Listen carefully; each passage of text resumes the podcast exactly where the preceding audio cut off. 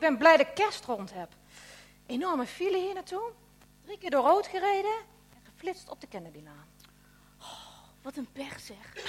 Ik had ook al zo'n rampochtend. Mijn koffiezetapparaat deed het niet. Dus ik heb koffie staan opschenken met zo'n filtertje, weet je wel. Had mijn nieuwe blouse aan en wat denk je? Valt die filter om. Bovenop mijn nieuwe blouse. Ach, Ja, moest ik dit ding aan. nou dat staat het best. Oh, dank je. Maar jij hebt tenminste koffie gehad. Ik, ik kon geen parkeerplaats vinden. Ik, ik sta zo wat bij eh, winkelcentrum Woensel. Winkelcentrum Woensel? Ja. Wow, ja, het is december en de kerkbanken zitten vol. Ja. De hele maand december slaap ik al niet van al dat geregel. Mijn eczeem speelt helemaal op. Ha. Je eczeem, ik wist niet eens dat je eczeem had. Oh, we moeten weer. Joy to the world, the Lord is come.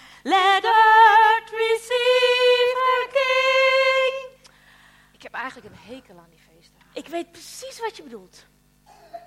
In de hele maand, in één maand, speel ik gastvrouw voor ieder familielid. Sommige heb ik eh, vorig jaar met kerst voor het laatst gezien. Wat, wat voor relatie heb je dan? Nou, en die afwas en die troep, alles wordt maar groter en groter. Ja. En het verzinnen van al die gerechten. Zal ik een gerecht doen van Jamie of van Gordon? Ik kijk al twee maanden de herhaling van Heel Holland Bakt. Nou, voor een ook. origineel idee. Ik ook. Ze hebben mij gestrikt voor het klaarmaken van de kalkoen. Oh, Boffert. Boffert? Oh. De hele dag staat het een teken van dat stomme beest. Ja, dat is waar. Ik kan het natuurlijk niet verknoeien. Stel nu dat het ding verpietert. Ja, dat is waar.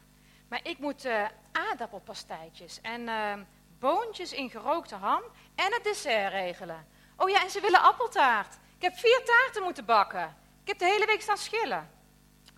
Nou ja, jij hebt geluk. Jij viert, familie, eh, of, jij viert kerst bij, eh, bij familie. Bij mij komen ze allemaal bij ons dit jaar. Oh nee.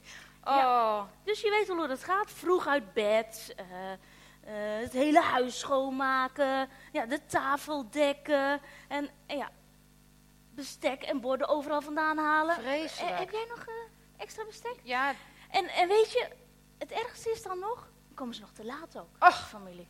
nou als ik ergens naartoe ga, dan zorg ik altijd dat ik op tijd ben. Ja, Eh, maar als ze naar mij toe komen, dan zijn ze zeker ook te laat. ah, uren te laat.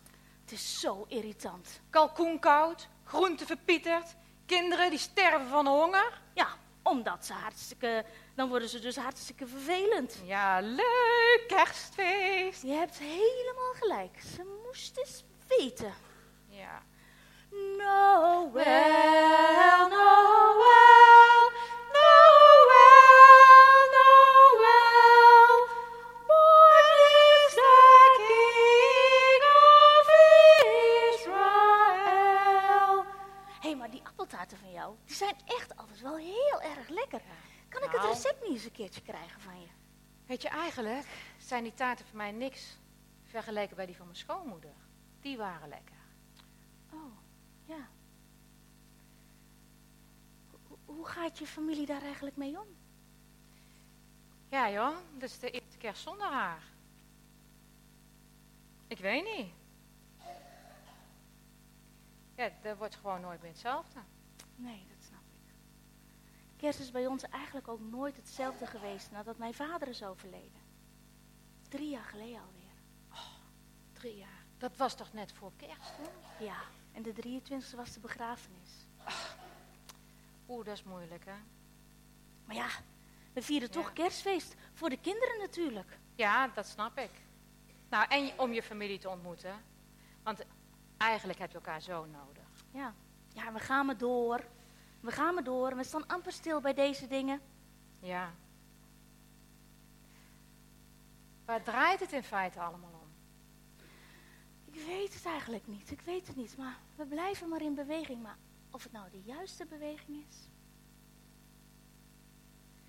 David zoon, lang verwacht, die miljoenen eens zaligenzaal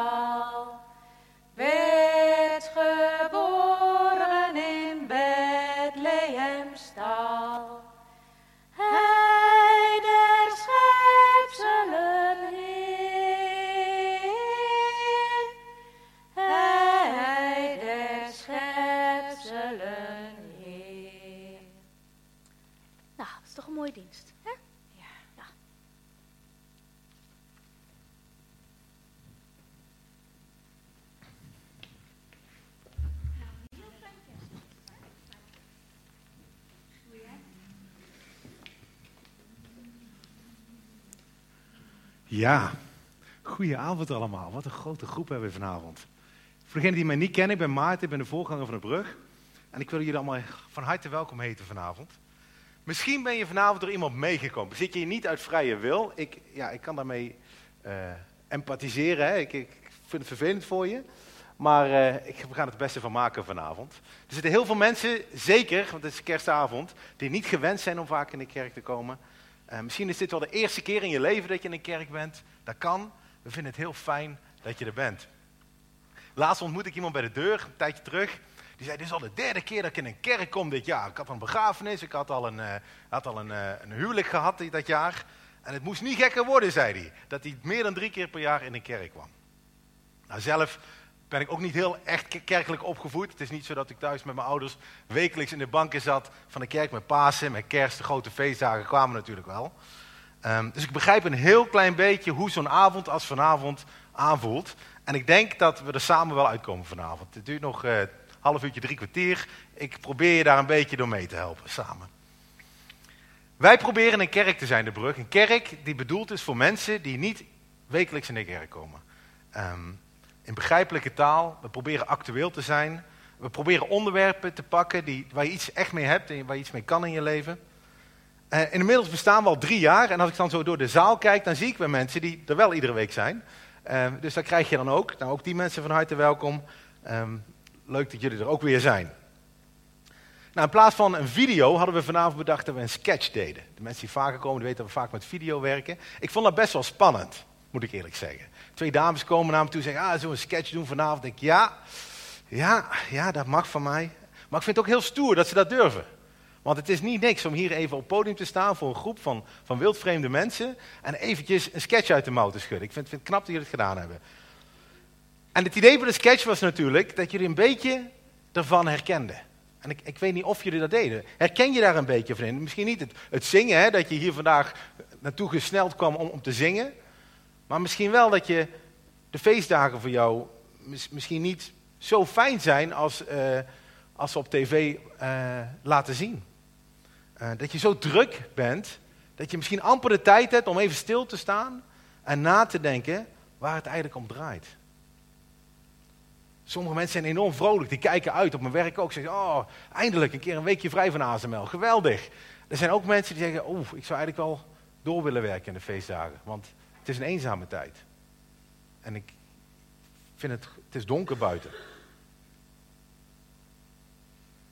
Ik hoop dat de boodschap die ik vanavond heb, eh, je, je zal helpen, in ieder geval om, stil te staan. Maar je zag, het thema was niet stilstaan, we hadden een lavalamp. We, we- gingen over beweging hebben. Dus dat je ook in beweging komt, maar dan wel in een richting waarvan je weet dat die, dat die goed kan zijn. Als ik aan de mensen om me heen vraag wat kerst betekent, dan, of je googelt het, hè, dan krijg je hele mooie plaatjes van tijd met familie, eh, heel veel cadeautjes, hè, die Amerikanen doen heel veel met cadeautjes, of steeds meer Nederlanders.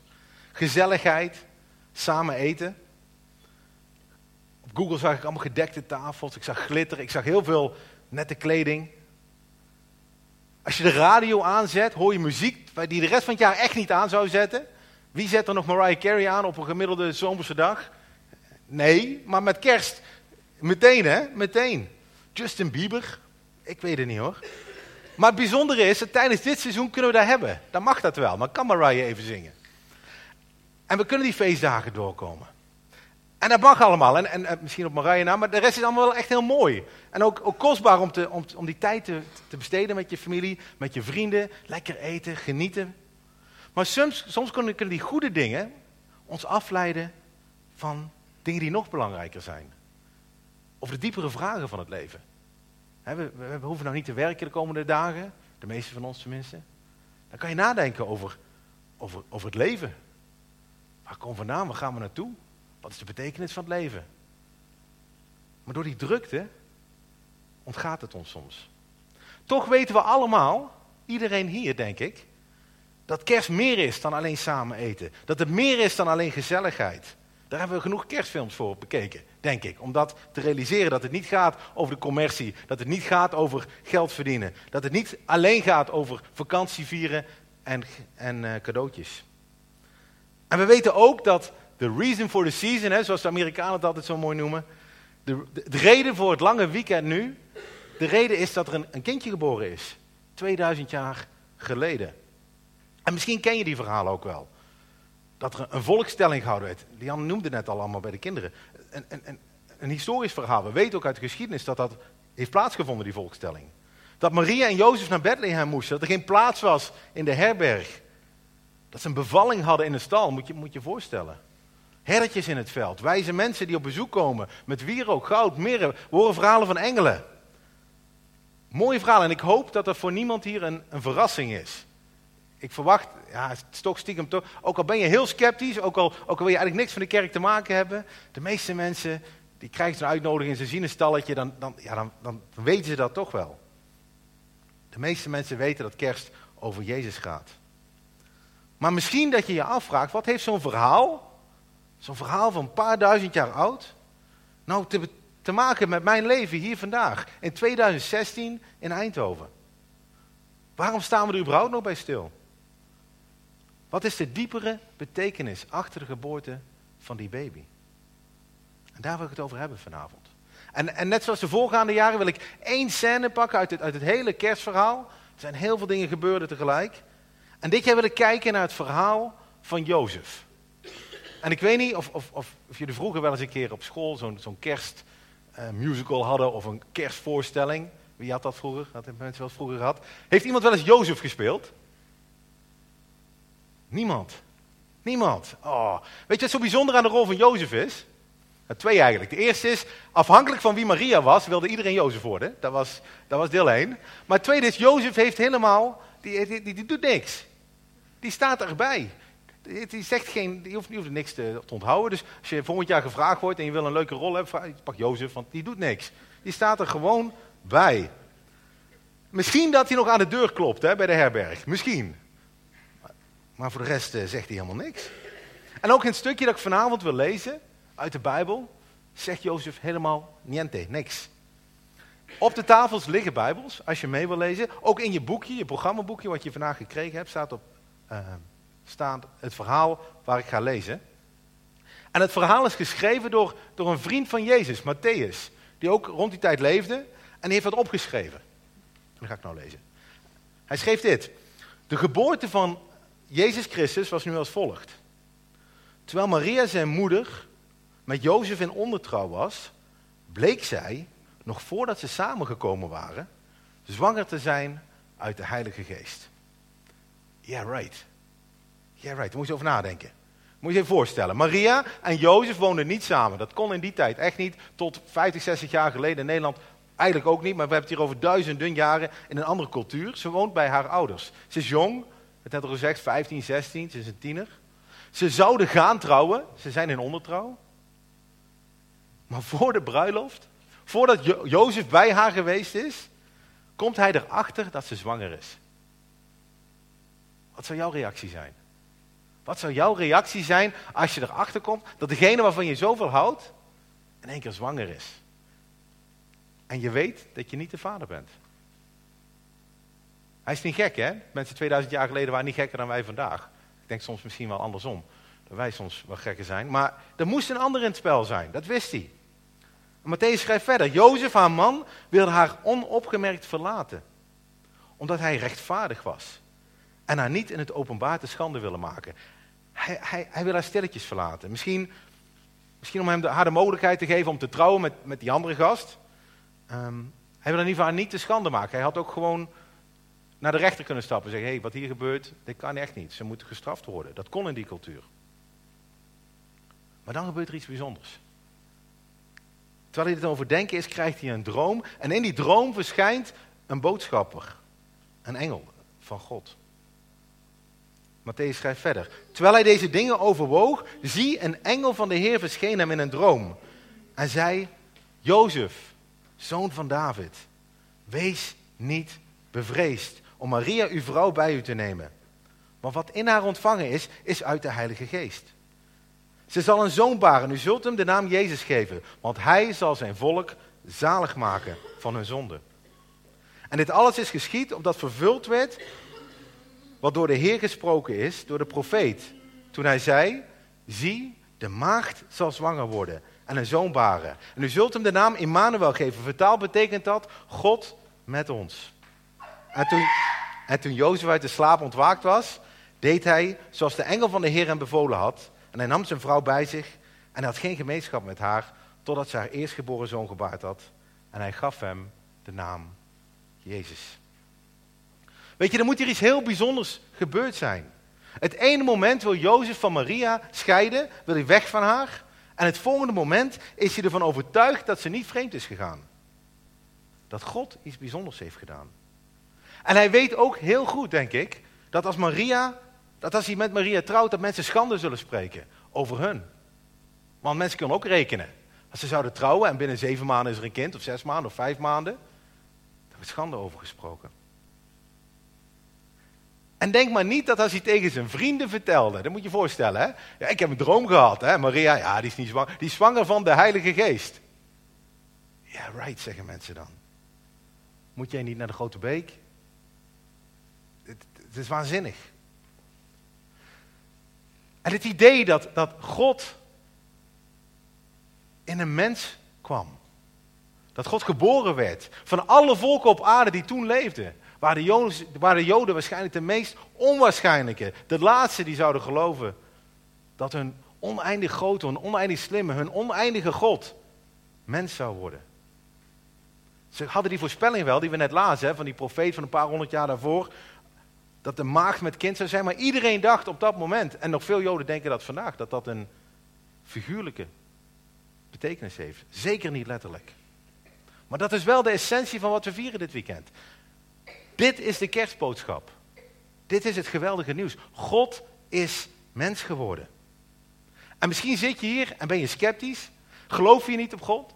Ik heb al fora van de week gelezen en de mensen zeggen, dat kan helemaal niet. En dan zit allemaal te rekenen. Zeg je, als, als, een, als een vrouw in één keer een kind krijgt zonder dat er een man bij is, dan kan die geen eichromosoom hebben en dan kan het geen jongetje zijn. Dat is allemaal heel leuk. En je mag allemaal dit helemaal natuurlijk proberen te verklaren, maar dat werkt niet. Daar kom je niet uit. Zonder God kan dit verhaal niet en is het een leugen. Maar als het wel waar is, als wij 2000 jaar later iets vieren wat echt historisch gebeurd is, dan is het toch heel bijzonder. Ik weet niet of jullie Larry King kennen. Larry King was een uh, interviewer op CNN, heeft in, in, in, 25 jaar lang op CNN bijna iedere dag mensen geïnterviewd. 30.000 mensen heeft hij geïnterviewd. En, iemand stelde hem op een gegeven moment de vraag, Larry, als je nou terug mocht gaan in de tijd, en er is één persoon in de wereld die jij zou mogen interviewen, wie zou je dan willen interviewen? En Larry, die met presidenten en koningen heeft met iedereen gepraat, die zei, er is één persoon met wie ik graag zou willen praten. Jezus Christus. En de interviewer vroeg, wat, wat zou je hem dan vragen? Als je hem één vraag mocht stellen, wat, welke vraag zou je hem dan stellen? En Larry zegt, ik zou Jezus Christus willen interviewen en mijn vraag zou zijn, ben jij inderdaad geboren uit de maagd? Want als dat waar is, als dat waar is, dat zou voor mij de hele geschiedenis veranderen. En ik denk dat Larry gelijk heeft. Als je gelooft dat God mens is geworden, dan verandert dat alles. Matthäus geloofde dit. Hij schreef het op. Hij is uiteindelijk vermoord voor zijn geloof. Lucas, een, een, een, dokter, die allemaal nauwkeurig uitgezocht heeft wat er eigenlijk allemaal gebeurd is tijdens het leven van Jezus, geloofde dit. En hij schreef het op. Jezus zelf, die rondliep hier op aarde, heeft tijdens zijn leven gezegd dat hij al bestond voordat Abraham was. Al duizenden jaren voordat hij geboren was. Een hele rare bewering. Dat is niet een uitspraak van iemand die bijzonder wijs is. Dat is ook niet de uitspraak van iemand die je moet volgen. Niemand anders claimt dat in de geschiedenis. Ja, bij de Grote Beek misschien. Maar geen grote wereldleider. Dus of Jezus kon heel goed mensen voor de gek houden. Misschien was hij zelf wel gek. Of heel misschien, heel misschien, was hij wie hij zei dat hij was. Jezus' eigen claim is dat hij God is en mens. We lezen in de tekst, Jezus is ook Immanuel, God met ons. En overal waar Jezus kwam, gebeurde iets, bewogen dingen. Kwamen mensen in beweging. Of ze vielen neer voor zijn voeten en aanbaden hem als God, of ze wilden niks met hem te maken hebben. En dat is ook logisch. Als je iemand tegenkomt die, als jij mij tegenkomt, ik zeg ik ben God, ja, dan loop je of heel uit weg, dat hoop ik tenminste. Ja, of, of je bent misschien heel ja, goed gelovig of zo. Maar als hij was wie hij zei dat hij was, dan is het heel logisch dat je hem centraal in je leven stelt. zijn vrienden deden dat. De meeste van zijn vrienden zijn uiteindelijk vermoord voor wat ze geloofden. Ik hoor vaak mensen zeggen, Jezus was een goed mens. Jezus was een wijze leraar. Dan heb je het niet begrepen. Dan begrijp je niet wat God met ons betekent. God is mens geworden. En dat geeft ons hoop. Want als dat waar is, betekent het dat er veel meer is in het hier en nu. Dat er een werkelijkheid is buiten de materiële werkelijkheid die we kennen. Dat als we nu met kerst pijn en verdriet hebben, dat we naar een God kunnen gaan die pijn en verdriet gekend heeft. Die weet hoe het is om aan een graf te staan. Die weet hoe het is om eenzaam te zijn. Die zelfs weet hoe het is om dood te gaan. En die de dood heeft overwonnen. Jezus is weer opgestaan. Dat vieren we over een paar maanden met Pasen als het weer lente wordt. En hij belooft dat er een tijd komt, een tijd zal komen zonder pijn, zonder verdriet en zonder lijden. Waar we samen bij hem mogen zijn. Als Jezus God is, is er hoop. Als je afgelopen week de krant gelezen hebt, dan heb je misschien op dinsdag of woensdag dat we in de krant gestaan hebben, dat er een jongen van 23 tegen een boom aan was gefietst. In, uh, in Riethoven, hij is overleden. Het bleek uiteindelijk een, een, collega van mij te zijn bij ASML. Ik kende hem voor de rest niet. Maar ik moest erover denken, dat is weer een gezin.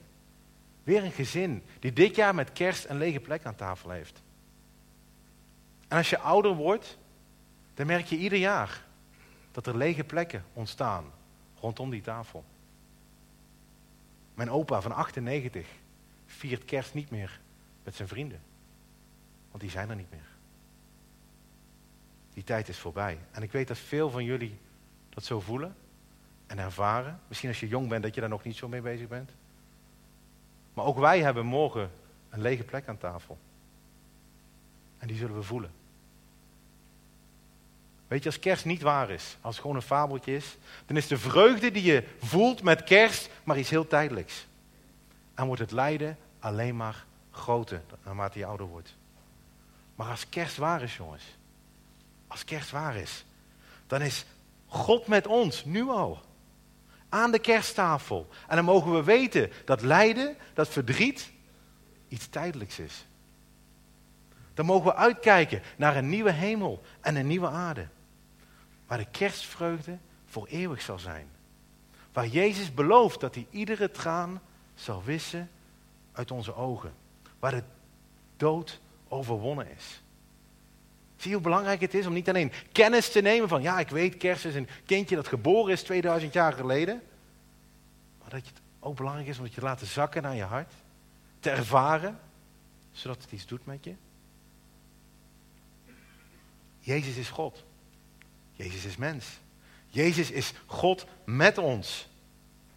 En als laatste stond er ook in de tekst die we gelezen hebben, dat, Jezus zijn zoon, sorry, dat Jozef zijn zoon Jezus moest noemen. Waarom? Omdat hij gekomen was om mensen zalig te maken. Nou heb ik een allergie voor dat woord zalig. Ik denk altijd, dat is de paus met paas of zo. Maar wat betekent dat nou? Wat betekent nou zalig? Zalig betekent redden. Jezus, de naam Jezus betekent redder. God komt naar ons toe om ons te redden. En dat betekent dat we ergens van gered moeten worden, anders heeft het helemaal geen zin. En dat weten we ook wel. Als we eerlijk naar onszelf kijken, dan weten we dat we ons niet gedragen zoals we eigenlijk vinden dat we ons zouden moeten gedragen. Dat we dingen denken die we eigenlijk niet durven uitspreken, omdat we dingen denken die we niet zouden moeten denken. In onze relaties merken we dat als er dingen spelen, als we ruzie hebben of als er dingen niet fijn lopen, dat er afstand komt. Dat je niet meer gezellig samen op de bank zit. En dat geldt ook met onze relatie met God. Er is afstand tussen God en ons. We zien in de Bijbel dat als mensen bij God komen, dat ze neervallen. Dat ze doordrongen zijn van die enorme afstand tussen die heilige, perfecte God en hun imperfecte ik. En dan zijn er natuurlijk een hoop mensen die proberen dat gat te overbruggen door, door hun best te doen, door zo goed mogelijk te leven. Zodat ze misschien goed genoeg zullen zijn voor God. Zeker hier in Brabant gebeurt dat veel. Misschien ben jij er wel één van. Iemand die probeert om op, op je, op je zoveel mogelijk punten te sparen. Zodat als je straks voor die hemelpoort staat, dat je je kaart kan trekken en kan zeggen, kijk eens God, ik heb zoveel punten. Ik mag de hemel in. Maar de Bijbel is heel duidelijk daarover. De Bijbel zegt, het maakt helemaal niet uit hoeveel punten op jouw kaart staan. Je zult altijd tekort komen. Want het slechte nieuws is dat jij niet zo geweldig bent, en dat is vervelend om mijn kerst te zeggen tegen jullie, maar je bent niet zo geweldig als dat je zelf denkt. Of dat je jezelf voordoet. Ik ook niet. Maar het goede nieuws is dat God dat wel is. God houdt veel meer van jou dan jij kunt bedenken. Zoveel dat hij niet wacht tot jij naar hem toe komt met je kaart vol punten, maar dat hij naar ons toe gekomen is. Het gaat niet over hoe goed je leeft, hoe geweldig je bent. Welke geweldige dingen je gedaan hebt. Dat is natuurlijk hartstikke mooi. Maar het gaat erom hoe goed Jezus geleefd heeft. Jezus redt ons uiteindelijk van onszelf. Van alle dingen die wij fout gedaan hebben. Van alle dingen die ons aangedaan zijn. Maar ook van alle dingen die we goed doen uit de verkeerde motieven. En daarom hoeven we die ellende niet zelf te dragen, maar kunnen we het aan Hem geven. Wat moet je hiermee? Wat moet je hiermee vanavond? Ik heb verteld dat God mens geworden is. Ik heb verteld dat God bij ons is. Dat God ons redt. En misschien zit je hier vanavond en denk je, leuk verhaal, wanneer gaan we eten? Ik heb de kerstkransjes gezien. Misschien schuif je het weg omdat je het niet interesseert. Of, of, of helemaal niet gelooft, dat mag. Maar weet dit, God interesseert het wel. God is zo geïnteresseerd in jou dat hij zijn zoon naar de aarde gestuurd heeft. Een lief klein babytje. Die zou opgroeien en zou sterven aan een kruis voor jou en voor mij.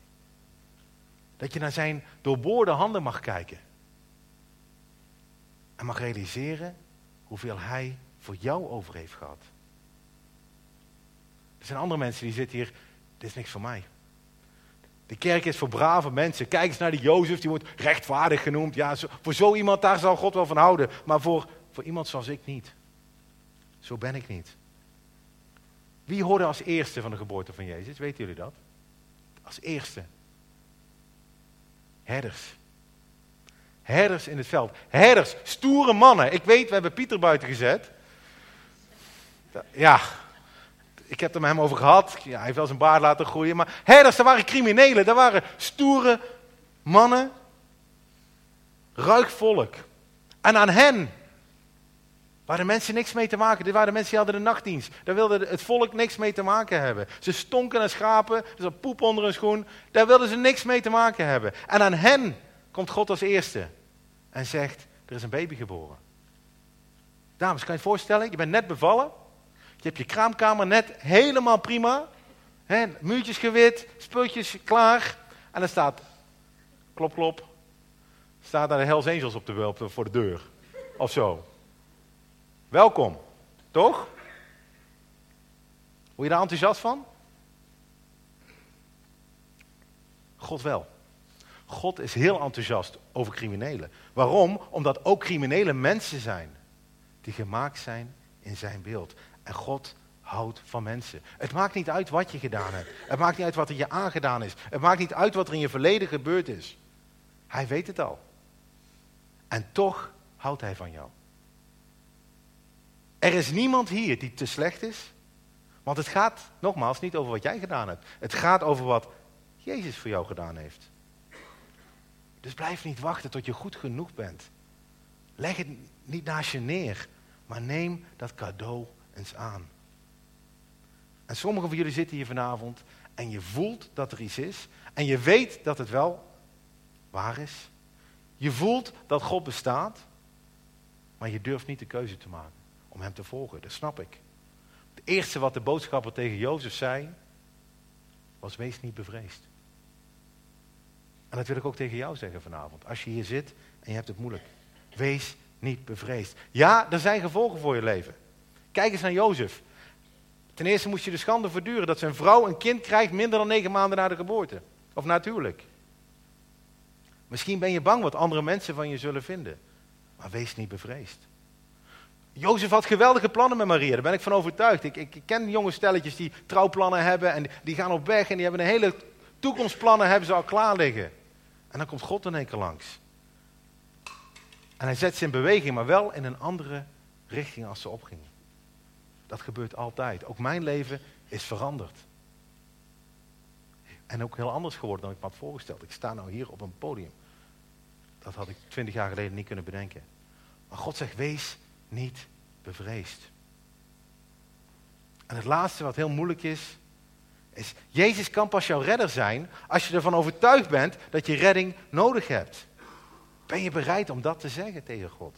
Dat je het niet zelf kan. Dat je hem nog niet lief hebt met heel je hart, ziel en verstand. Dat je de mensen om je heen nog niet zo lief hebt zoals je jezelf lief hebt. Dat kost moed.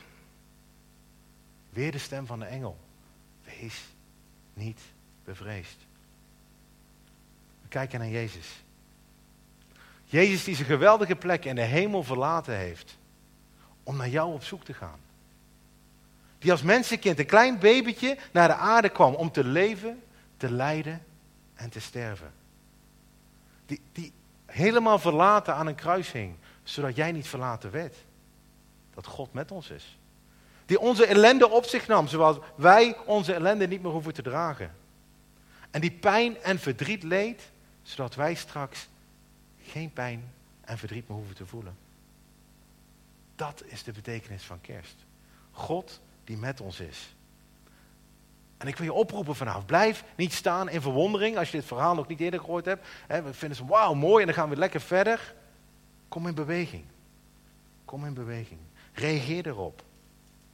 Ga samen met ons op zoek naar wie die God is, als je hem niet kent.